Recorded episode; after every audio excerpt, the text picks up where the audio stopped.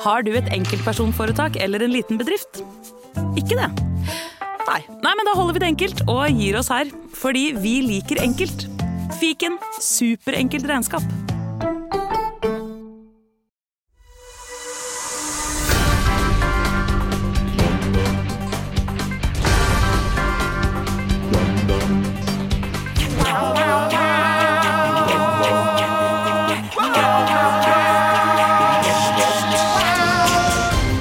Hjertelig velkommen til Ukentlig, denne uregelmessige podkasten som burde hett Annenhver ukentlig, som gir deg siste ukens nyheter, ikke akkurat som de var, med Leo, Emil, Christian og Olav. Akkurat nå opererer vi på 75% maskin. Jeg har vært nede i maskinrommet for å prøve å få oss opp til 100 men det er ikke bare bare det. Jeg i hvert fall eh, har stor glede av å ha med oss her eh, Emil Lustet Berntsen og Leo Magnus Delanoes. Hei til dere. Hallo! Det er jo egentlig et duo, dette her. Ja, du er bare innom for å si hei, Leo. Vi er bare innom for å si kort hei. Vi er nettopp skrevet ut av Ullevål sykehus. Har masse, masse deilig morfin i kroppen. Masse deilige Og sykepleiere grunnen til at, Bare vært omgitt meg hele tiden. Hva? nei, grunnen til at du snakker sånn, det er Hva fordi du du? ser hvis noen, hvis noen har lyst til å se hvordan du ser ut, så, så kan de gå inn og se på disse to eh, gamle søstrene på NRK. Du ligner på den Å, ja. karakteren til høyre, Jon Øigards karakter. Du er litt stram i Ja, fjeset, litt hoven. Deilige, deilige sugelepper. Deilige sånne Restylane-fylte herligheter. Mm. Ja, da, så blir det mange karakterer nå, vet du, når du ligger hjemme sånn og Hei. Hola! ¿Qué tal? Strandgutt, ja. Så starter blogg. Dette er veldig rart når det er et lydmedium, men jeg skulle bare si hei, jeg er i live, nyoperert. Det gjør litt vondt, men eh, Emil har vært innom meg i dag. Bare sånn satt fra ting på trappa. Helt sånn på avstand. Ja. Hva Helt satt sånn du på fra? avstand, Christian. Ja, milkshake. Milkshake. Og, Milkshake. og du kan gjette. Du kan gjette en ting til han satte fra. Hm? satte fram. Eh, skolebrød. Sånn upoppa popkorn. Upoppa popcorn. Nei, ikke giflig. Liberté. Liberté, en yoghurt. En fransk yoghurt. Å, det var noe deilig nå. Hvorfor satte du fram det? Hvorfor satte du fram yoghurt? Fordi han kan jo ikke spise noe med Ja. knask i. Det er jo bare sånn Og det var så poetisk, syns jeg. Han var så søt. Han sto der med milkshake og liberté, og liberté betyr jo frihet. Ja, Frihet. jeg vet det. Han har jo gått på sånn fransk vet du, og bodd i Frankrike, så da er det hyggelig Ja. å kunne gi noe frihet til han. Ja. Han er ute av sykehjem, ute av sykehjem med han. Ja, det var så deilig. Nei, men jeg har hatt det fint og kjipt. Mm. Ja. Jeg kan fortelle mer om det neste uke, Det er litt Gjør det. mer vater. Ja. Gjør det. Så kan du hvile litt, hvile huet litt. Så tar dere to over herfra, ikke sant, Kristian? Vi skal eh, styre skuta selv når du ligger eh, flatt, og håp, ønsker deg jo god bedring og alt eh, det som er. Eh, jeg skal også hilse fra Olav, som er opptatt med kveldsstell og forefallende barnearbeid, eh, så vi eh, ønsker han alt vel også.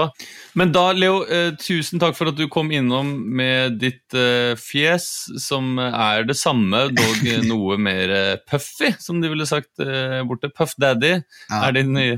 Det er noe Puffy man. Puffy Vanvittige kinnbein. Det ser ut som sånn guys. eh, Disney-prins. Shout out to our listeners.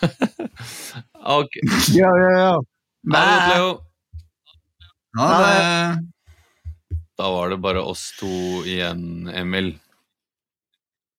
det var det. Jeg eh, sitter her på soverommet mitt, som er mitt eh, foretrukne podkaststudio, når det foregår annet arbeid i leiligheten. Ja. Eh, Du, har, du disponerer ja, hele stua, ser jeg. Jeg gjør det. I utgangspunktet skal jeg være hjemme nå, men nå kommer jo da min, eh, min samboer hjem. Vi har jo flytta sammen, nå akkurat 1. mars offisielt. Gratulerer. Takk. Så hun kom akkurat inn døra. Men eh, vi skal jo ikke ha den lengste podkasten i dag, men vi prøvde Det hadde jo nesten blitt sånn at det ikke skulle komme ut en episode denne uka heller, fordi det har vært veldig vanskelig å få samla alle fire eller to eller tre, for det har skjedd så mye Mm. greier. Eh, men jeg prøvde å trumfe gjennom at vi fikk en liten episode ut i dag, da. Det syns jeg jo da lytterne fortjener. Absolutt, det fortjener de. Og utenom at du har fått deg en ny fast, eh, nye faste sklisokker eh, i din eh, leilighet, Håndbrekk hjemme. ja, eh, nye gymsokker, har det skjedd noe i ditt liv som, som du føler at du har liksom en giv eh, på å fortelle? Er det noe artig som har hendt deg? Åh, det er, eh, det er Jeg blir jo han der som er Nei, ikke skjedd så mye, men nå er det litt sånn at jeg føler at det skjer jo ikke så mye i livet til folk generelt. Vi møttes jo ute, vi, på en tur nå Mhm. I, i helga, på en søndag. En tur utendørs med god avstand. Så møtte vi også Leo tilfeldigvis. Så da ble vi jo da en liten gjeng eh, Mm. utendørs, og det var veldig hyggelig. Eh, ellers er det bare digg at det er vår, syns jeg. At det er litt sol ute. Ja. Eh, men eh, altså, det er ganske Altså, det høres ut som gammel dame nå. Det er det, er det som skjer Ja. i livet mitt nå. Har det skjedd noe spennende? Eh. Å, været som skifter fra, fra vinter til vår. Åh.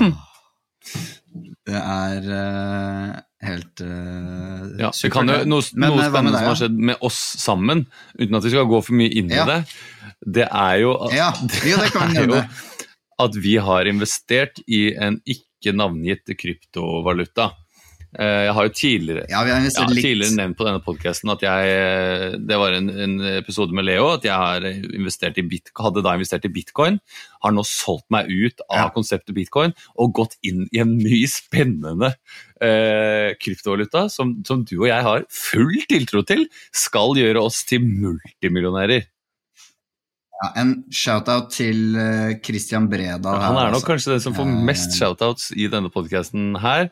ja, han Både for det. hans streaming på eh, Twitch, og ikke minst nå for hans kryptoengasjement. Han har vært en slags eh, eh, Altså, vi er jo på en måte the Jedi Vi er jo apprentices, padawans, i eh, kryptogamet. Eh, Jeg kan, ingen, altså, jeg kan ingenting om det greiene der, men jeg synes jo det er litt eh, Det er jo litt, litt spennende, så jeg må, føler jeg må lese litt mer om det. Men eh, det er jo sånn Jeg har jo ikke satt inn mer penger enn jeg har råd til å ta Nei. Jeg kjenner, kjenner litt Nei, på en sånn eh, at eh, det er, det er visse sånne Siden jeg ikke har klart å verifisere eh, noen av mine kontoer, fordi eh, når jeg skulle gjøre det, så fant jeg ut at både førerkort og pass hadde gått ut. Apropos gamle mennesker. Eh, så eh, så har jeg, hadde jeg jo da ingen identifikasjonsmuligheter til å verifisere, så jeg har en sånn veldig sånn veldig veldig stringent eh, eh, grense for hva jeg kan sette inn, og det tror jeg har vært bra, for jeg har kjent at det har klødd i fingra eh, etter å ha, ha Ja. måke sparepenger inn i det. Men det har nok vært bra, for det er som man sier, eh, det er volatilt, dette kryptomarkedet, eh, og man må passe Ja. seg. Men, men det har vært spennende. Eh, Og selv om jeg ser på det som et eller langtidsprosjekt, skal jeg innrømme at jeg går inn og sjekker veldig ofte hvordan det går. Ja, jeg, jeg gjør det, altså. Det er spennende. Det er jo ikke den store Nei. summen jeg har innom, men hvis det ganger seg med ti, da, så blir det en fin sum. Da blir det sum. plutselig en, eh, en 2000-3000 eh, kroner som vi kan kose oss med, med noen ekstra skoleboller i helga. Ja, på en liten blåtur. En liten. Hvis det Eh, er jeg noen der ute, dag av lytterne våre, som digger, eh, som, som har noen heite krypto, kryptovalutatips, så kan vi jo gjerne eh, ta opp de eh, og snakke om de, og, og ha et lite, kort lite forum på det, uten at dette skal bli en kryptopodcast. Men det kan nok hende at det er noe du, Ja. du og jeg starter eh, utenom disse to andre, Ja. eh, Leo og Olav. Oh, jeg, håper, jeg håper at det er et par jenter som sender inn som, eh, som har begynt med krypto. Det hadde vært spennende. Hvorfor vil du ha kryptotips av jenter, Emil? Er det fordi du tror de er bedre skodd for kryptomarkedet? Jeg tenker at det er fint å få en salig blanding av eh, For det er jo det er, er ikke det forska på at eh, jenter er litt eh, altså, bedre på sånn risiko, og de er, man, de er litt mer fornuftige, da. Ja. Eh, Pluss at jeg føler at jeg, det er veldig sjeldent jeg hører jeg, jeg har ikke hørt så mye, eller egentlig ingenting om eh, så mye om krypto generelt, men eh, jeg føler jo at det, jeg er redd for at det blir en sånn derre tjukke, gamle, hvite menn som ender opp som sånne kryptoherrer. At det er gøy hvis det endrer litt i eh, hvordan samfunnet utvikler seg. ja. Hashtag hun investerer. Hun, ja, ikke sant? Ja, Ja. Det er, er ikke det DNB-reklame? Det er en DNB-kampanje, ja. Det stemmer. Ja. Men, eh, men det får så være. Vi får ikke betalt av DNB for å nevne det. Hadde Nordea hatt en investeringskampanje for kvinner, hadde jeg gjerne nevnt den i samme slengen. Ja, men Eh, jeg altså, er jeg kan- ingenting om det her, om krypto og sånn. Nå er det bare satt inn litt penger med pga. et stalltips. Så, Ja. Men det er, det er jo gøy, da. Og det er gøy å lære litt sånn nye ting. Eh, så det er moro. Absolutt, og det føles ut som man har blitt med i en hemmelig sekt når man laster ned tre nye apper, én for å kjøpe kryptovaluta på, én for å føre de over for å ha de trygt. Eh, og det er veldig spennende. Eh, jeg har ikke gjort så veldig mye denne uka heller, pga. Eh, pandemi. Ja. Eh, jeg har jo vært på opptak med visning. ja, det er ikke stengt ned, det, eller? Det er ikke stengt ned, men det er, eh, det er nye sånne Det er jo mye mm, hurtigtester. Blir testa Ja. hver dag nå. Det er bra. Men Oppi- eh, sto, stoler på de hurtigtestene? Det er jo sånne oppi snasen-hurtigtester, da. Det er ikke bare inni bak i svelget. Så de sier at de er 70% på, på negativ og 90% på positiv. Er det de sier. Men du må jo være ordentlig smitta. Du kan ikke liksom akkurat ha tatt på samme solskinnsbollen som en som er smitta, og så tatt deg i munnen, og så tar du testen, liksom. Det må jo at du liksom Det har fått lov til å syde og boble litt i, i kroppen. og Ja. for ditt tilfelle så tok det jo én uke Nei, for de, fordi du smitta, da, så tok det jo Ja. uke før det slo ut i full blomst. Og det er ikke sikkert at det hadde slått ut før de da fikk det ordentlig inn i i blodet, som Hjarte Hjelmeland ville sagt i, heimebane. De Hun har det det ikke i blodet.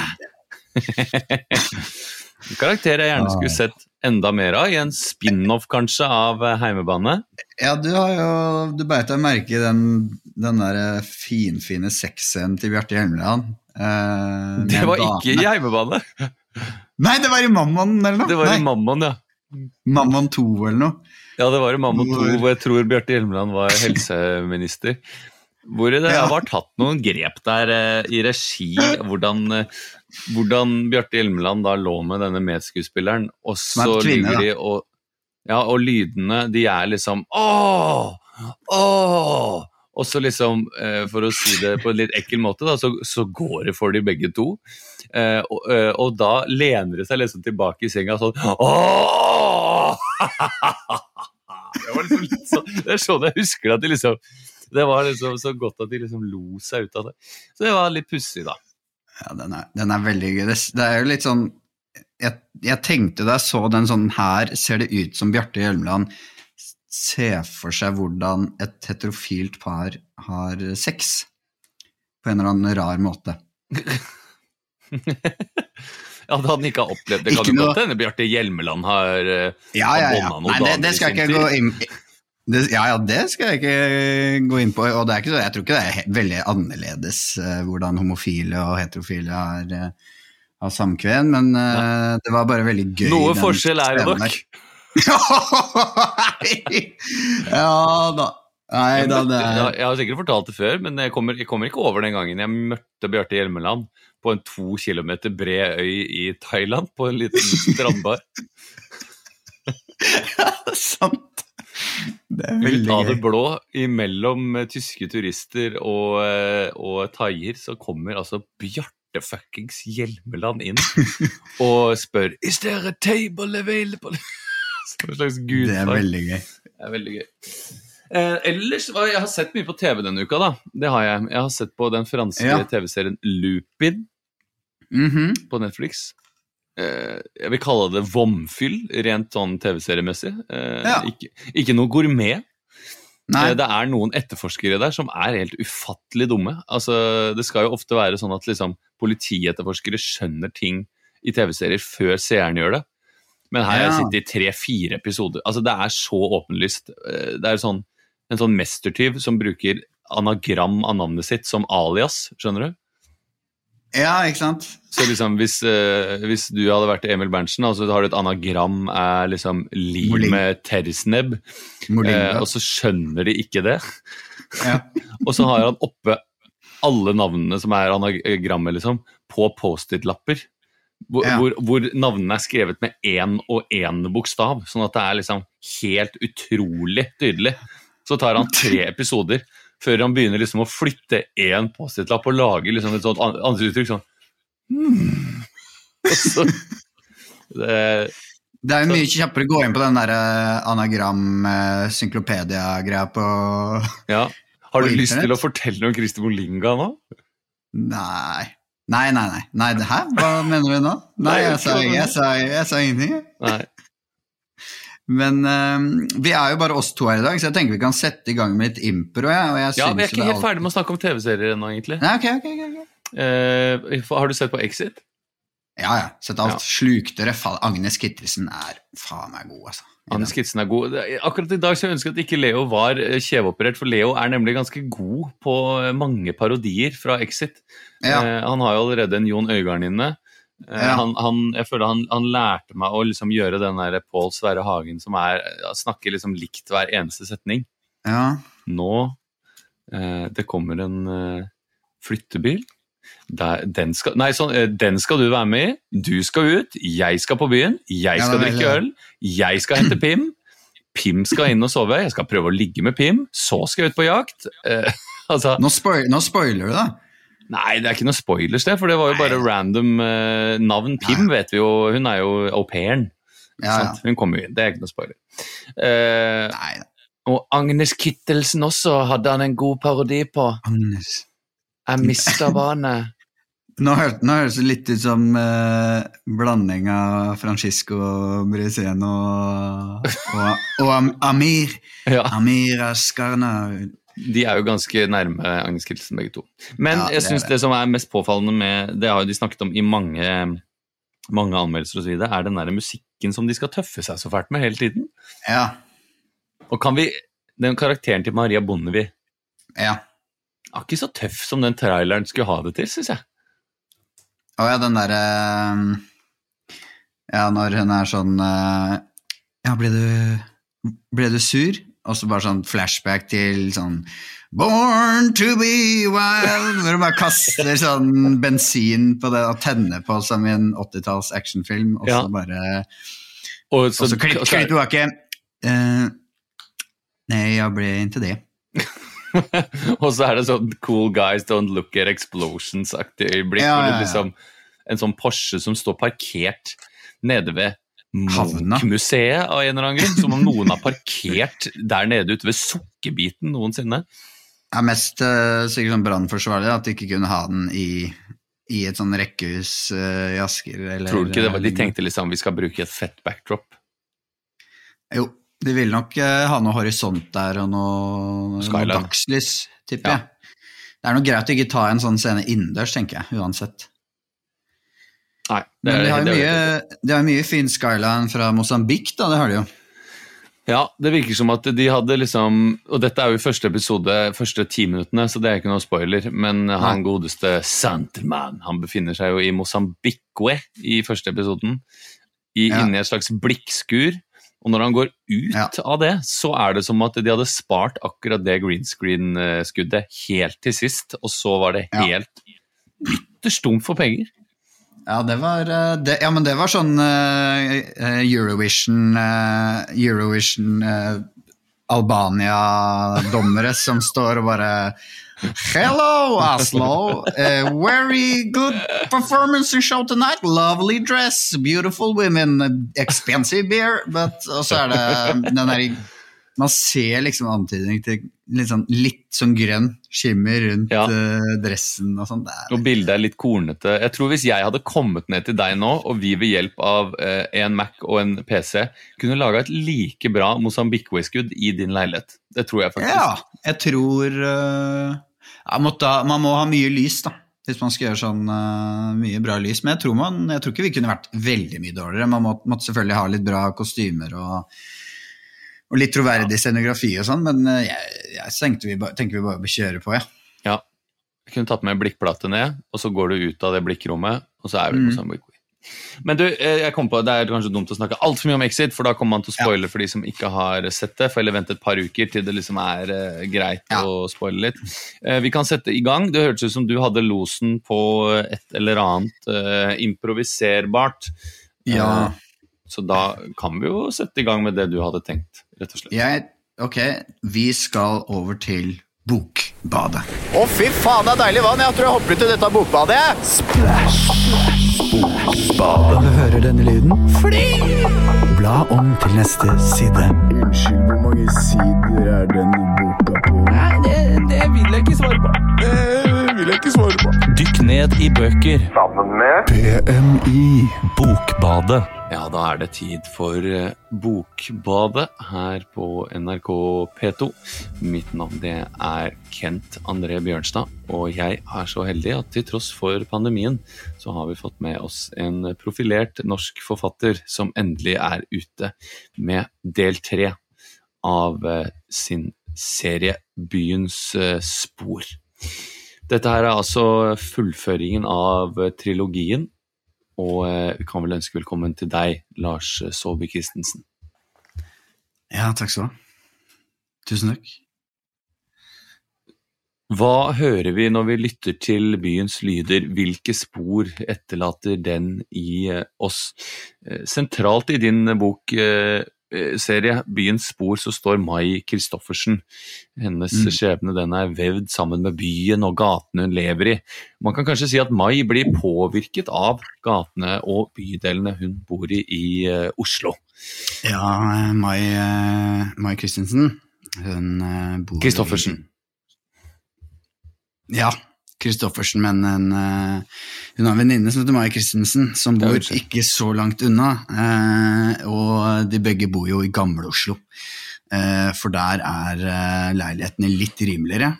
Men de er i stigning, og de er to kvinner som allerede har begynt å og gro litt nese for økonomisk vinning og, ja, og rett og slett betrakte den fine naturen og bylivet som er i gamle Oslo.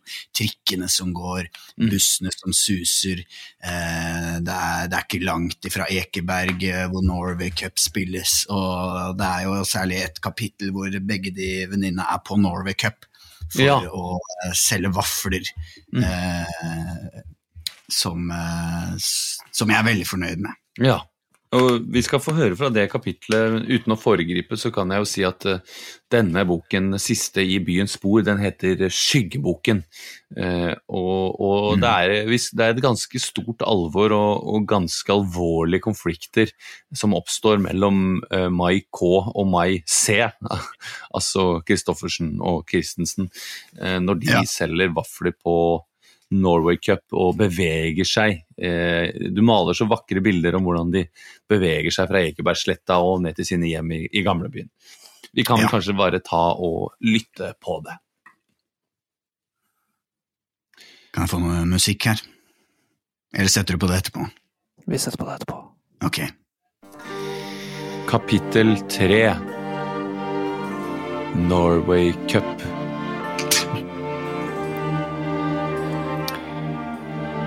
Klokka var slått sju. Det ringte på døra. Mai C sto klar med vaffelrøra. Ja, man kunne ikke se at hun holdt en vaffelrøre, for eh, det så ved første øyekast ut som hun holdt eh, sju 1,75 liter eh, med melk eh, i hånda, men jeg visste at eh, her var det ikke melk nedi kartongene, det var uh, vaffelrøre Mai C hadde lagd, eh, lagd kvelden før. Hun var en jævel på vaffelrøra. Jeg, jeg foreslo og Mai C, skal ikke jeg, ja? Mai K lager litt vafler, jeg òg, så vi får uh, tjent inn det dobbelte, så vi får satt inn på krypto. Men, uh, men Mai C var, uh, var vrien på vaffelrøra. Hun vil ikke dele vaffelrøra si med noen, og det måtte jeg respektere. Jeg bodde i Sveigårds gate, mens uh, Mai C bodde, bodde ikke langt, uh, langt unna.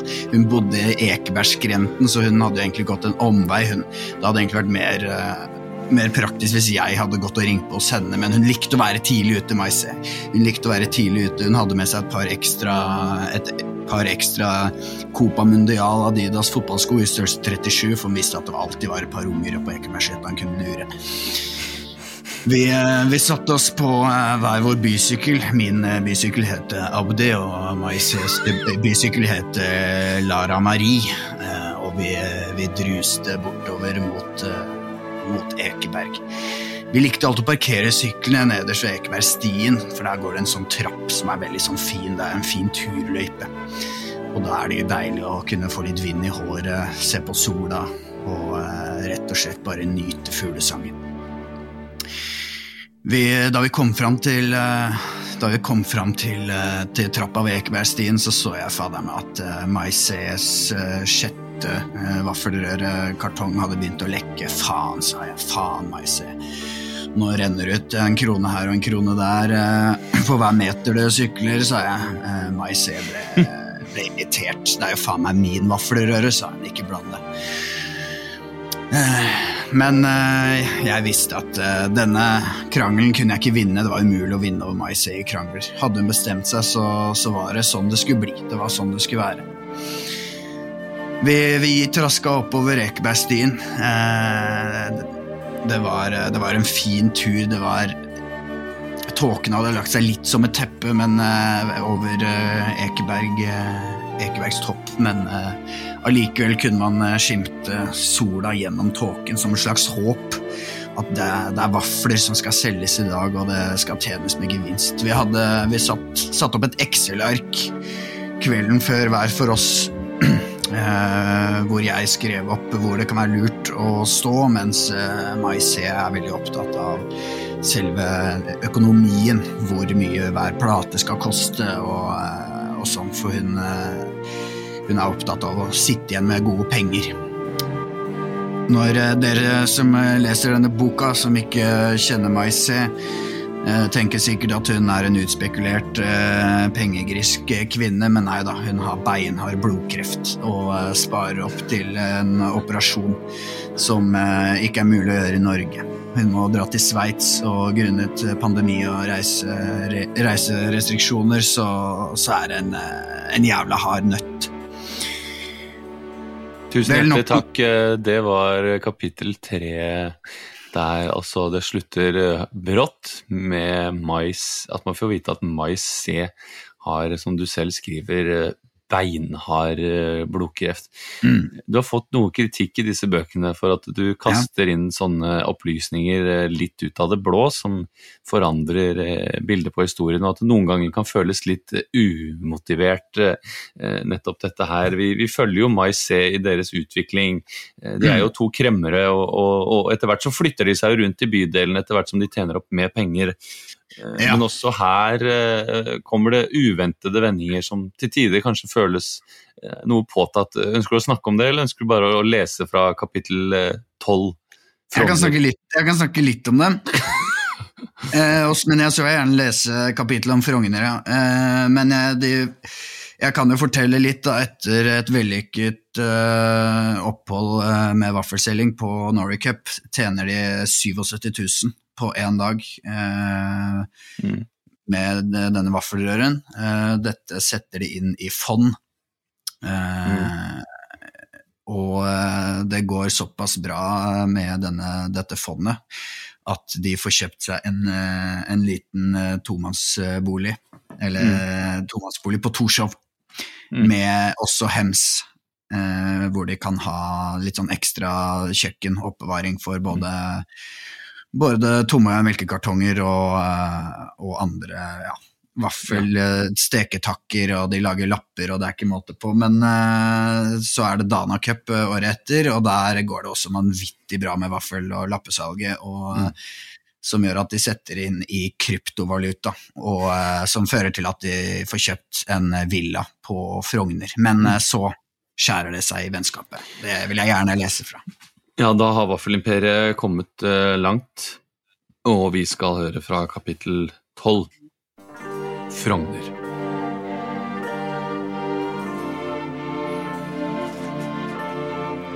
Flytt takkene, sa Meise.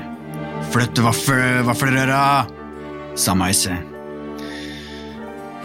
Rundt omkring i, i villaen vår på, på Frogner, ikke så langt unna den italienske ambassaden, så, eh, så var det blitt mange steketakker og, og vaffel, eh, vaffelmaskiner og og røre og, og sånne kjøkkendingser og ditt og datt. Jeg vet da faen hva de heter for noe. Jeg, jeg har gått sånn i surr, jeg. Mai K. Eh, men eh, Mai C ble svakere og svakere for hver dag som gikk. Eh, hun visste at eh, skulle hun ha sjanse til å få denne beinharde blodkreftoperasjonen, så måtte eh, hun klare å samle inn eh, 2,4 mil før, eh, før lørdagen. Og det var eh, Det var en sånn derre kjøp og salg eh, på loppemarked på Vestkanttorget. Og eh, hun hadde bestemt seg å skulle selge mange, mange plagg på Hun hadde prøvd seg lenge på Thais og Finn, men eh, uten hell, så hun tenkte at eh, Vestkanttorget der er en ypperlig mulighet for å kunne tjene litt ekstra penger. Forrige Vestkanttorg eh, Hva faen heter det? Loppemarked. Så hadde hun tjent eh, 840 000 bare på Marimekko og dritt. Hun hadde kjøpt billig av en tante som var jævla fan av Mummitroll og Finn. Men så kom vi da dagen, da. Vi skulle på Vestkanttorget. Eh, og tror du ikke jeg sklei, da? Tror du ikke jeg sklei? Jeg ma... ma jeg Mai K, jeg sklei trappa så lang jeg var, rett på Ratatan. Og Mai C, vet du, hun- ble så forbanna, for der hadde jeg masse Kehler-vaser og det som var i henda, mens jeg sklei. Så der røk jo både 10 000 og 20 000 i det, ikke sant? Og, og det var jo Vi jo Vi sleit jo nok som det var med å få inn husleia på denne villaen. eh, på Frogner, men, eh, og nå skulle jeg plutselig begynne å knuse ting. Det var ikke, det var ikke lenge før denne skliepisoden at jeg begynte å gå hos en eh, gestalt. gestalt. Jeg merka Jeg hørte Mai se nyse borte borte ved værelse to i villaen. Eh, Jeg gikk bort til henne og delte en personlig ting som eh, jeg bare måtte lette, lette på. Jeg sa Mai, eh, Mai K. Nei, Mai C. Jeg syns dette vennskapet begynner å bli en, en avhengighet, en usunn avhengighet. Jeg, jeg har begynt å gå til en gestaltterapeut. Eh, Jeg har begynt å gå til en gestaltterapeut for å snakke om vennskapet vårt, og eh, jeg tror ikke jeg klarer dette her mer. Jeg må tenke på meg sjæl også, det er viktig at jeg tenker på meg. Eh, Og og det tok hun faktisk utrolig bra. Hun tok det på en voksen måte som jeg ikke hadde sett fra eh, fra meg se, Men akkurat i det jeg sa det, tror du faen ikke jeg sklei på vaffelrøra som lå i hjørnet av kjøkkenet der? Og det vi Tusen, lo eh, lenge av det. Takk for at du kom, eh, Lars Snipp, snapp, snute, så var Frognervillaen ute. I de neste seks eh, kapitlene så sklir jo Mai K eh, tolv ganger eh, til. Det er eh, mye skliing. Eh, det er eh, noe av det kritikerne har eh, trukket fram, at det er kanskje litt mye skliing eh, og litt mye bytting mellom jeg-person og tredjeperson fra start av kapittel. Ja, men faen, har de som skriver dette, har de skrevet en bok sjøl, da? Tusen takk for at du kom, Ja. Lars Saabye Christensen. Rekker vi en forfatter til i Bokbadet i dag, tror du? Det rekker vi, men jeg er nødt til å gå på do, eh, og det må du òg. Jeg så at kona di sto utenfor nå. Eh, hun skulle kjøres til noe sånn Jeg vet ikke hva det var, et tannlegetime eller hva faen det var. Men det med... du- du må gå, men du har vel en vikar, har du ikke det? Jeg har en eh, vikar, ja. Hva er det hun heter, og hva er yndlingsfargen hennes? Hun heter eh, Nina eh, Bråttom, og eh, hennes eh, yndlingsfarge det er fuchsia. Ja, hei. Dette er Nina Bråtholm, og eh, som dere ikke ser nå, siden vi er på radio, men jeg har fått med et nytt fuchsia-skjerf. Eh, Fargen fuchsia. Som eh, Dere får nesten søke opp på internett hvis dere ikke vet hvilken farge det er, men jeg vet hva slags farge det er. Eh, vi har en, ny forfatter med oss her, vi, i Bokbadet. Og eh, vi skal eh, høre fra eh, forfatteren Fartein Horgar. Ja, det, Hjertelig velkommen. det stemmer. Fartegn Horgar her til tjeneste. Hvis det er veldig fint hvis du kan legge vekk uh, det, den, uh, det snackchap-greiene dine. Ja. Jeg hadde mobilen på her, sier de. Det er bare å beklage. Jeg, Det, det går fint. det, er, det, det, koker om dagen, for å si det sånn. Jeg har ikke gitt ut en bok før. Eh, Så nå kjenner jeg virkelig hvordan det ringer fra God morgen, Norge, god kveld, Norge, og alle, alle Norgene. Ja. Norge rundt Du- har ringt. du er jo- Åsted Norge har du er- ringt. Ja, ja Fartein, du er jo litt oppi åra, og uh, du glemmer jo litt, men du er jo uh, ute med en ny bok i, som da er femte og siste boken da, i din imponerende romanserie om Danmark-Norges kolonitid fra Det hadde jeg glemt! Det hadde jeg glemt. 1917. Eh, og den boka heter Svart Babel. Ja, det stemmer. Og eh, jeg kan jo bare lese litt kort da, det som står bakpå boken her. Det må du gjerne gjøre. Jeg vet Og jo hva det- det står. Ja, det, det vet jo du, for du har skrevet den, men Ja. eh, det som står er at uh, nå er slaveeventyret i dansk Vest-India over. Mm. Øyene er nærmest verdiløse, og midt under første verdenskrig blir de kjøpt av USA. Og denne dagen, 31. mars 1917, står Lasarus Lamar bak disken i apoteket i byen Charlotte Amalie på St. Thomas. Eh, Jeg kunne fortsatt, men jeg syns det er litt mer spennende å høre det komme fra deg. Mm. Eh, for hovedkarakteren er Lasarus mm. Lamar, eller Lamar, Mm. nå vet jeg ikke, hvordan uttales det? Nei, Lamar. Det er korrekt. Lamar.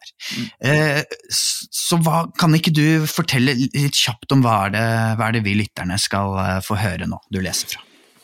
Nei, vi, vi, er- vi står jo på et, eh, et brytningspunkt eh, i, i, i historien, hvor disse øyene som tidligere var eh, åsted for forferdelig slavekriminalitet, nå har eh, blitt frigjort, kan man si. Samtidig så er jo mange av overgriperne er jo, har fortsatt bosted på øyene, og ofrene forsøker å reise seg så godt de kan i ruinene. Og Lasarus Lamar han har jo da klart å, å, å skrape sammen noen, eh, noen pesos eh, til å starte et skarveapotek, apotek, men opplever jo da at øyene blir kjøpt opp av eh, Amerika, og alt det det innebærer. Jeg vil gjerne at du leser fra kapittel 12, Ja. og det er eh, Og det er jo dette kapitlet hvor eh, Lasarus Lamar eh, faktisk står bak disken i apoteket for første gang. Ja. Da kan ikke du lese litt fra det? Jo. Jo.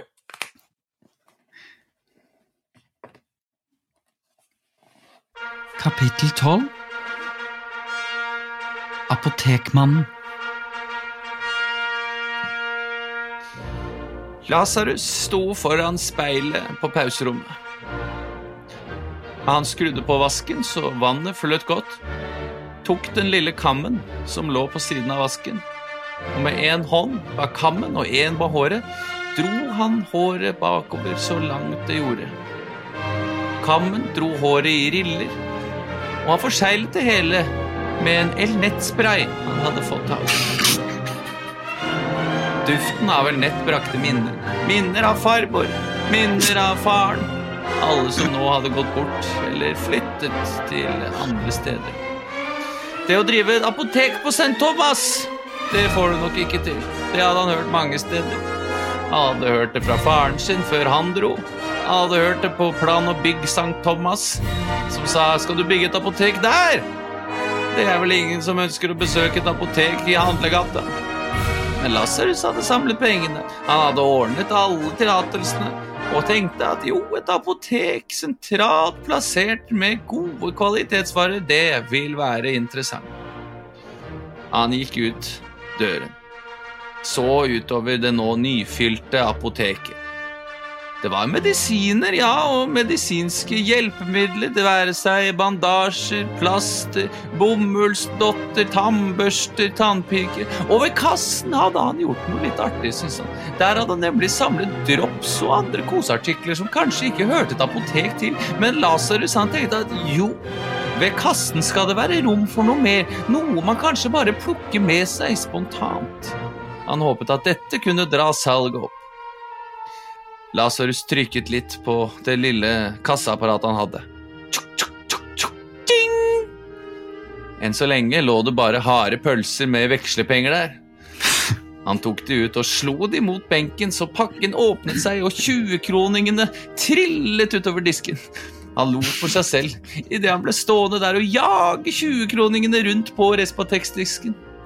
Til slutt hadde han fått fanget de alle sammen som små kaniner som hadde løpt ut av innhegningen sin, og han lo for seg selv idet han dyttet kasseapparatet forsiktig, men bestemt tilbake på plass. Det klinget i døren. Oh, min første kunde! tenkte Lasarus. Han så seg i gjenskinnet på Respatex-benken og rettet litt på håret. For en apoteker! Ja, han måtte være i god stand, det hadde mormor alltid sagt. Hun var ikke apoteker, for hun var kvinne, og det var bare menn som kunne bli apotekere på den tiden. Ja, hva kan jeg hjelpe deg med?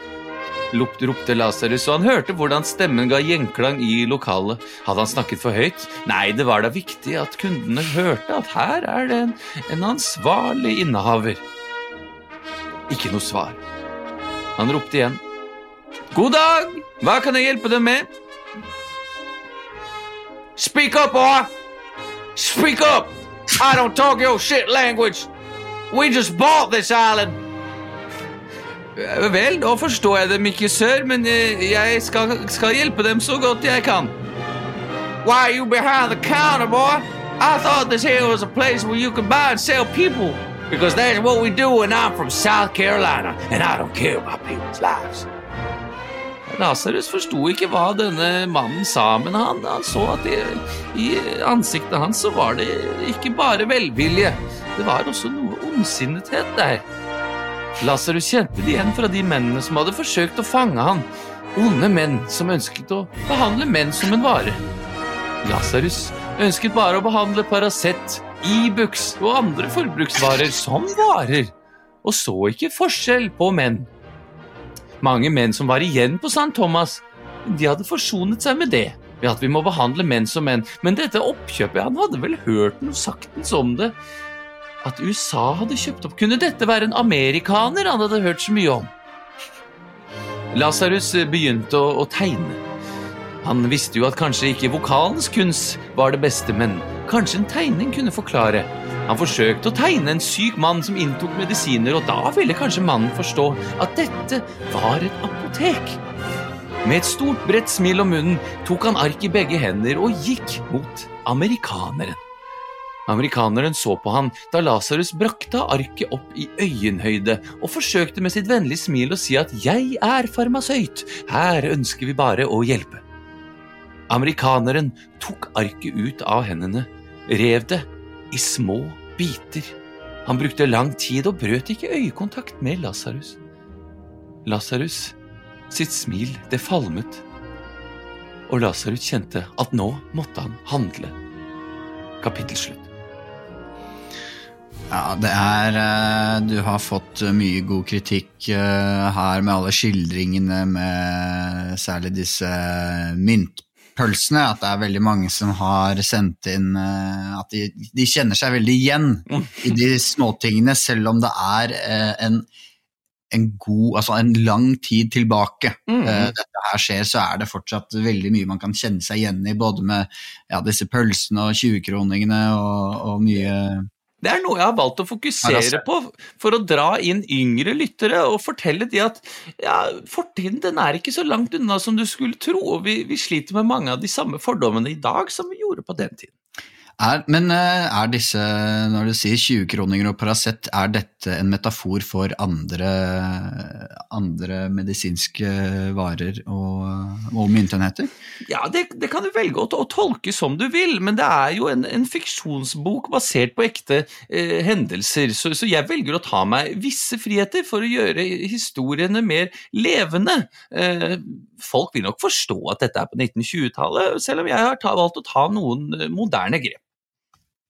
Det er eh, Tusen takk for at du kunne komme Og jeg, jeg følte at du satte opp til at jeg skulle lese et kapittel til.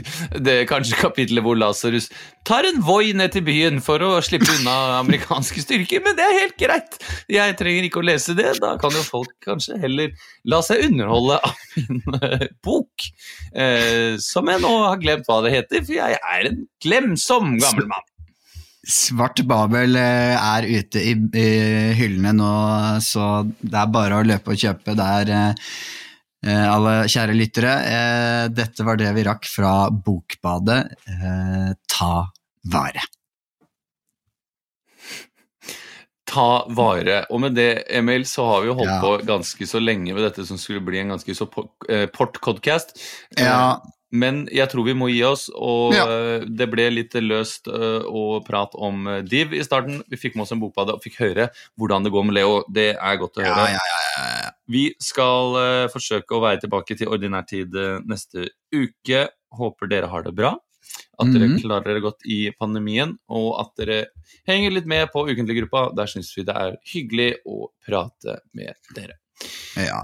Da tror jeg vi bare sier uh, adjø. Da sier vi bare Adjøs! Adjøs.